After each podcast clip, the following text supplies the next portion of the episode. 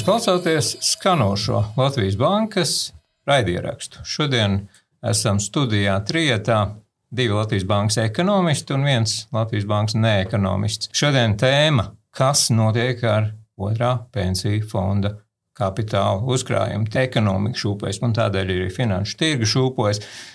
Un mūsu kapitāls uzkrātais nu, neaug kā gribētos, vai pat rūk. Ko ar to darīt, kā par to domāt? Otrs - nebeidzamā tēma, ilgspēlējošā tēma Latvijā diskusija, kur tad īsti ieguldīt dažādo līmeņu pensiju fondu līdzekļus. Sāksim varbūt ar mazu atkāpi. Vispirms Oļegs Kačevs, mūsu ekonomists, kurš ir sekojis pensiju sistēmai, tā ir veidojoties, atgādina lūdzu mums, ikdienas cilvēks, es personīgi netik labi varbūt sekoju, kā tad tur ir ar tiem dažādajiem līmeņiem un dažādajiem avotiem un pašu filozofiju, kāpēc mums ir vajadzīgi trīs pīlāri, tā teikt, lai tā lieta uz to balstītos. Jā, nu tad ļoti īsi. Tiešām mums Latvijā ir trīs pensiju līmeņi. Pirmais līmenis ir pēc būtības valsts nodrošināta pensija. Mēs maksājam 14% sociālās apdrošināšanas iemaksas, un tā nauda tiek izlietota šobrīd esošajiem pensionāriem, par ko pretī mēs saņemsim pensiju pensionējoties nākotnē. Otrais līmenis ir 6%, 6 valsts sociālās apdrošināšanas iemaksas, ko mēs iemaksājam, kas faktiski tiek um, uh, ieguldīts finanšu aktīvos. Un par to lielā mērā šodien Dāna, jā, būs mūsu runa. Noteikti.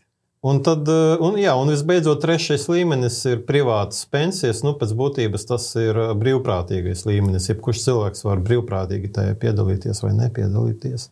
Kāpēc ir nepieciešams tas otrais pensiju līmenis? Nu, eh, faktiski tas otrais pensiju līmenis vai valsts fondētu pensiju schēma tika izveidota tādēļ, lai palīdzētu kompensēt ienākuma aizstājumības kritumu pirmajā līmenī. Un, uh, lai vienkārši uh, es pieminēšu uh, tūlītās dažas cifras, lai tas būtu skaidrs, ko nozīmē kompensēt.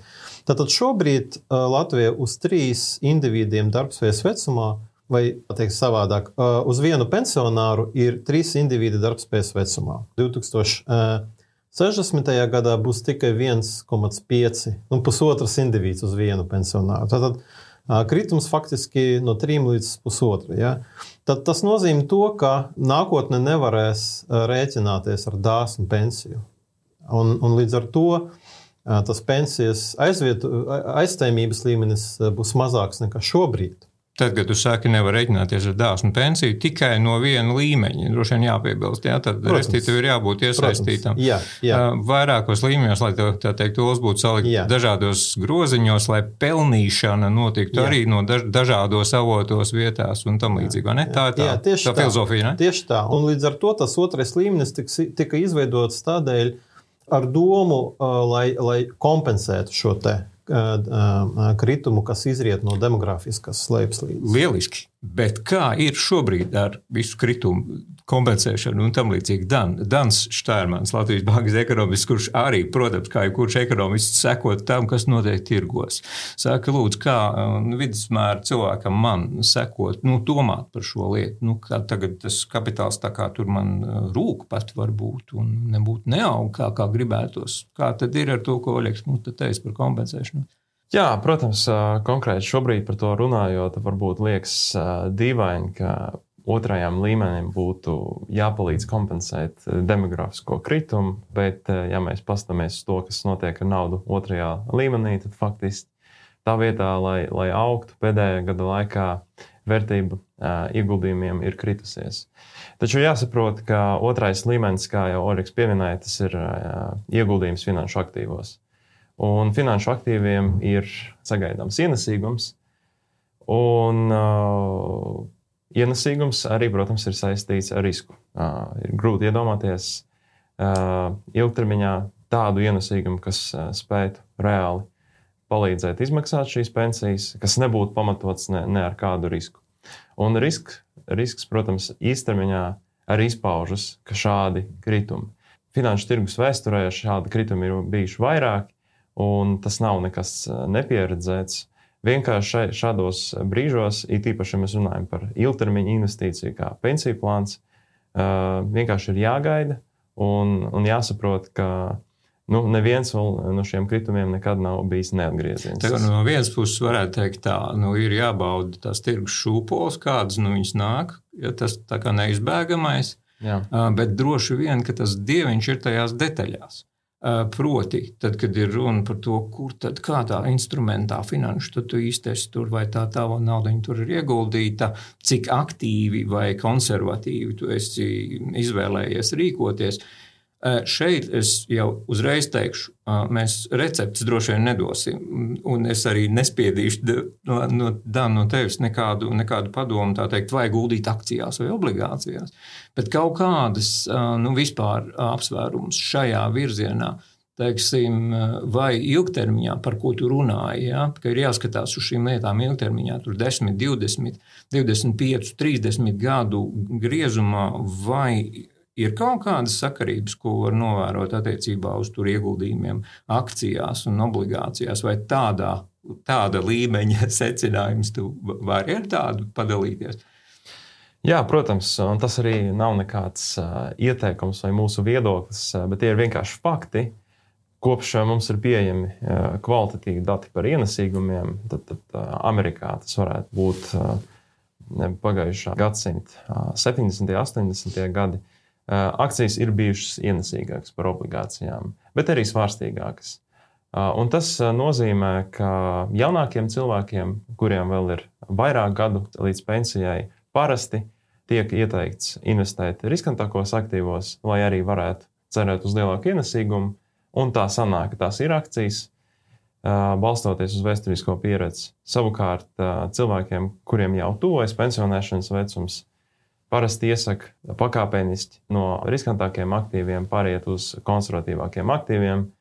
Un parasti ar to saprot uh, nu, uh, attīstīto valstu emitētās obligācijas, kas, ja pastāv uz vēsturiskiem datiem, nav bijušas tik ienesīgas kā akcijas. Bet par šo, starp citu, kā, kā vienmēr ekonomikā var strīdēties. Un ir pētījumi, kas, kas mēģina iet vēl tālāk pagātnē, mēģinot rekonstruēt ienesīgumus pat ASV, sākot no 19. gadsimta sākuma.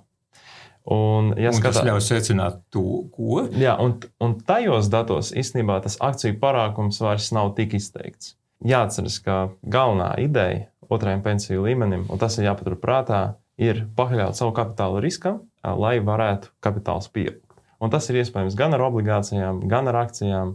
Jā, šobrīd ir kritumi, bet gan obligācijas, gan akcijas ļoti ilgā termiņā, teiksim, līdz pensionēšanas vecumam, eh, ir sagaidāms, ka, ka eh, vērtība augs. Un kā Oreks pieminēja, ļaus mums nodrošināt labākas pensijas nekā, ja tas varbūt būtu tikai pirmo līmeni. Kā mums ir ar, eh, Oļeg, ar, ar pieredzi Latvijā, ar to, kas līdz šim ir darīts? Vai mēs esam bijuši vairāk uz konservatīvo pusi, varbūt pārāk konservatīvi, jeb kā uz, uz otru pusi, varbūt pārāk, pārāk pārgalvīgi. Kāda tur mums tā pieredze ir? Mēs bieži dzirdam, ka kritizē to otro pensiju līmeni. Tādā ziņā, ka viņš nav devis solīto vai gaidīto ienesīgumu pagātnē. Problēma ir tajā, ka mm, līdz šim, nu, tā, līdz nesenam laikam, bijuši vairāki šķēršļi, kur var ieguldīt to otrā līmeņa kapitālu un arī diezgan augstas pārvaldīšanas izmaksas. Pie. Ja, tas, tas divas lietas šobrīd ir atrisināts. Pārvaldīšanas izmaksas tika samazinātas diezgan būtiski. Un šobrīd no, no 2021. gada ir atļauts pilnīgi visu kapitālu investēt akcijās. Kā mēs zinām, iepriekš tā nebija. Iepriekš varēja ieguldīt tikai daļu, un visu pārējo vajadzēja ieguldīt valdības versijā. Atgādini, lūdzu, kāds bija tas procents? Tur uh, pakāpeniski tika teiksim, palielināts tas ah, atļaujamais, mhm. atļaujamais akciju īpatsvars. Okay, jā, ja pirmsākumos tur varbūt bija uh, 25-50% akcijās. Tad, ja nemaldos, kaut kur 17. gadā tika atļauts līdz 75%, un tikai pirms pāris gadiem tiešām, ka pilnīgi viss uh, var tikt ieguldīts akcijās. Un tāpēc ir parādījušies šie plāni, kurus sauc par aktīviem plāniem 100%. Tie ir plāni, kur akcijās tiek ieguldīts no 75 līdz 100 procentiem. Tādi nav eksistējuši faktiski vēl pirms desmit gadiem. Tad restīvā sistēma ir nu, darīta pilnīgāk šādā virzienā, teiksim, jā, tāda skološanās tur ir. Faktiski not, sistēma tika pil, pilnveidot, jā, jo līdz šim tā sistēma nebija līdz galam vēl izstrādāta. Bet jāatzīmē arī tas, ka esošie pensionāri vai tie pensionāri, kas tagad pensionējas, nu, tur uh, lielāka daļa viņam tomēr nāk no pirmā pensiju līmeņa, jā, un tad otrais otrais pensiju līmenis sāk spēlēt lielāku lomu ar laiku, nu jau tuvākajā nākotnē. Ja? Bet līdz šim, protams, tie esošie pensionāri lielākoties saņem pensiju no pirmā līmeņa. Principā mēs esam spējuši, vismaz priekš manis, um, radīt sajūtu, ka ir jāelpo dziļi, tirgus šūpojas, bet jāelpo dziļi un jāturpina ieguldīt, jo riskēt ir prātīgāk nekā neriskēt.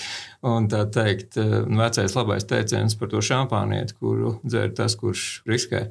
Tā teikt. Otra tēma, ko mēs vēl varētu mēģināt paspēt dažās minūtēs izrunāt, ir Latvijā ilgi ir arī droši vien kā daļa no šīs sistēmas tapšanas un pilnveidošanās, ir, ir visu laiku tāds uh, fona dialogs vai, vai publiska diskusija bijusi. Nu, tad, kur tad ieguldīt šos otrā pensiju līmeņa um, fondus, um, kur tad prātīgāk? Vai tad ārzemēs visus, vai tad visus Latvijā?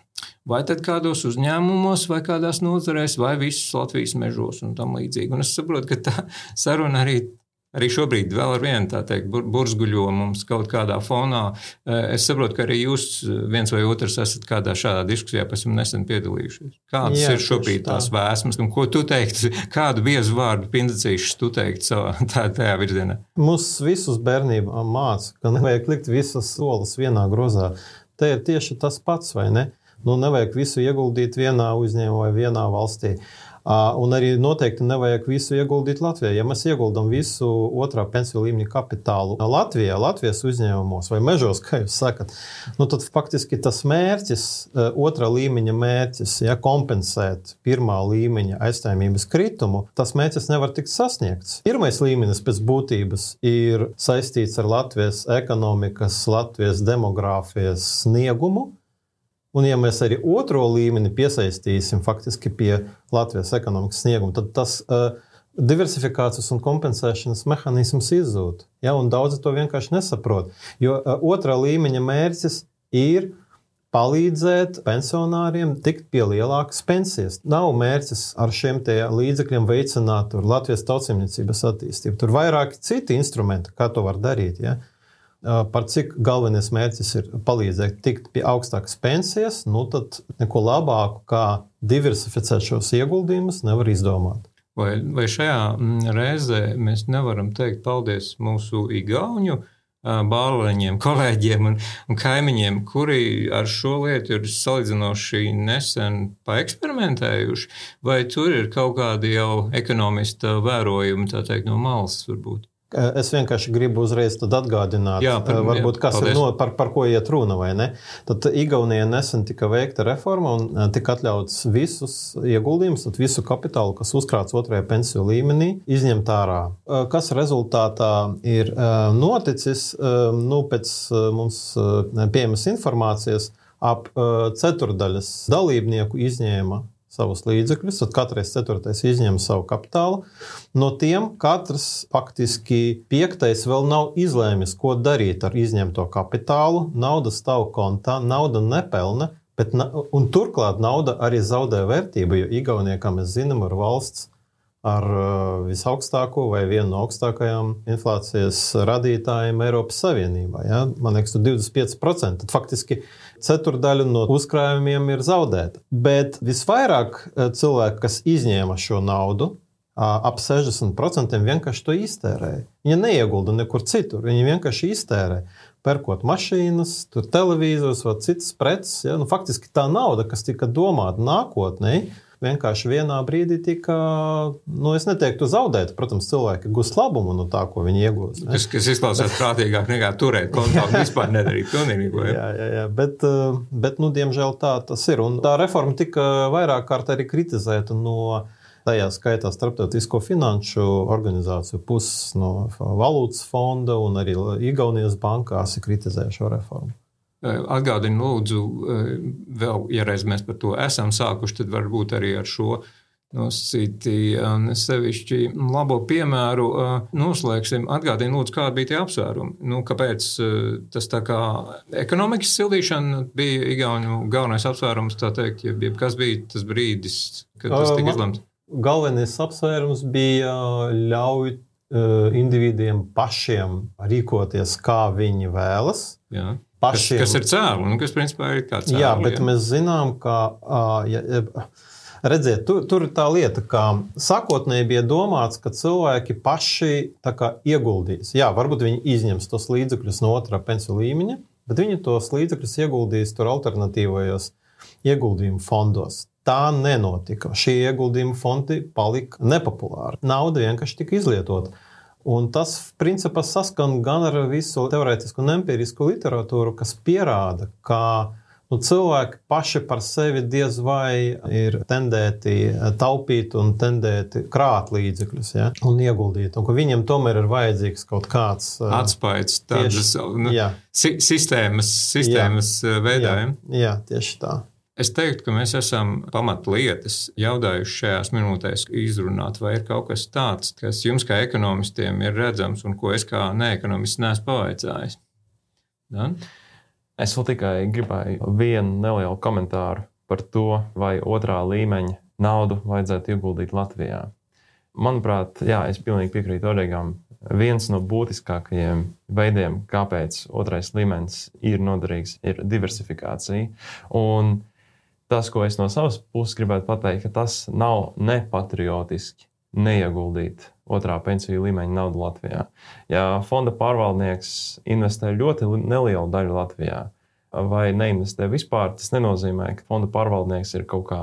Apkalpo ne... Amerikas ekonomiku vai Vācijas ekonomiku. Jā, jo nu, tā tas ir domāts. Tā ir labā praksa, ko iesaka darīt arī nu, vairākas starptautiskās organizācijas. Kā piemēram OECD, bieži tiek pieminēts, ka pārmērīga aizraušanās ar investīcijām savā ekonomikā nav vēlama. Un īstenībā tā bija problēma otrā līmeņa pirmsākumos, kad ļoti daudz tika ieguldīts Latvijas emitētajos vērtspapīros. Faktiski tad, jā, otrā līmeņa nauda tiek izmantot, lai aizdotu naudu valstī, kurā tas fonds darbojās. Tas nekādā veidā nesaskan ar to mērķi.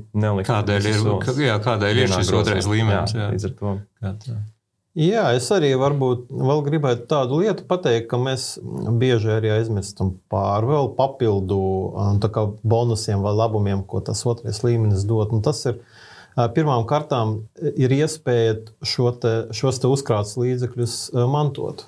Ja? Jums, jūs nevarat mantot kapitālu, kas tiek uh, uzkrāts pirmajā līmenī. Ja cilvēks nenodzīvo līdz pensijas vecumam, tad, nu, attiecīgi, viss, ko viņš ir maksājis, sociālās apdrošināšanas iemaksas uh, pirmajā līmenī, ir zaud, nu, nav zaudēts. Protams, nu, tā, tā nauda nav ģimenei zaudēts. Ja. Un, uh, kad cilvēks pensionējas, viņam ir iespējas vai nu šos līdzekļus pievienot pirmajam līmenim, vai Otra e, opcija ir iegādāties mūža pensijas apdrošināšanas polisi, kas arī ļauj elastīgāk izmantot pensiju ienākumu, un tajā skaitā ļauj nu, priekšlaicīgas nāves gadījumā arī mantot e, atlikušo daļu.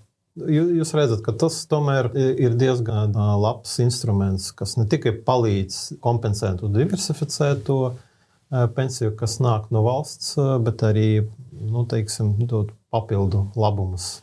Šī daļa par to, ka var mantot, ja iegādājas mūža apdrošināšanu, tā ir jau ilgāku laiku, bet kas tika salīdzinoši nesen ieviests, ka var mantot arī neiegādājoties šo mūža apdrošināšanu. Ja cilvēks nomirst pirms pensionēšanas vecuma, tad var mantot visu kapitālu, kas ir otrajā līmenī. Iepriekš to nevarēja darīt. Tas vienkārši tiktu pārskaitīts pirmajā līmenī. Līdz ar to pat, ja cilvēks vēl nav pensionējies, bet ir krājis otrajā līmenī, tā nauda nepazudīs tā, ka tas notiktu ar pirmo līmeni.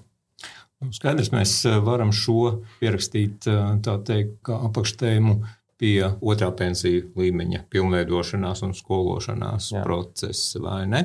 Labi, kolēģi, es teiktu, ka mēs eh, esam šo tēmu pacēluši. bišķiņi skāruši, varbūt arī kādam palīdzējuši mazliet rāmāk skatīties uz situāciju, kad tirgi šūpojas un kapitāls varbūt šobrīd neaug. Faktiski uzsist sev uz pleca un teikt, ka principā es daru pareizi, riskējot un ieguldot. Paldies, kolēģi, uz sadzirdēšanos citā skanošajā. Paldies! Paldies!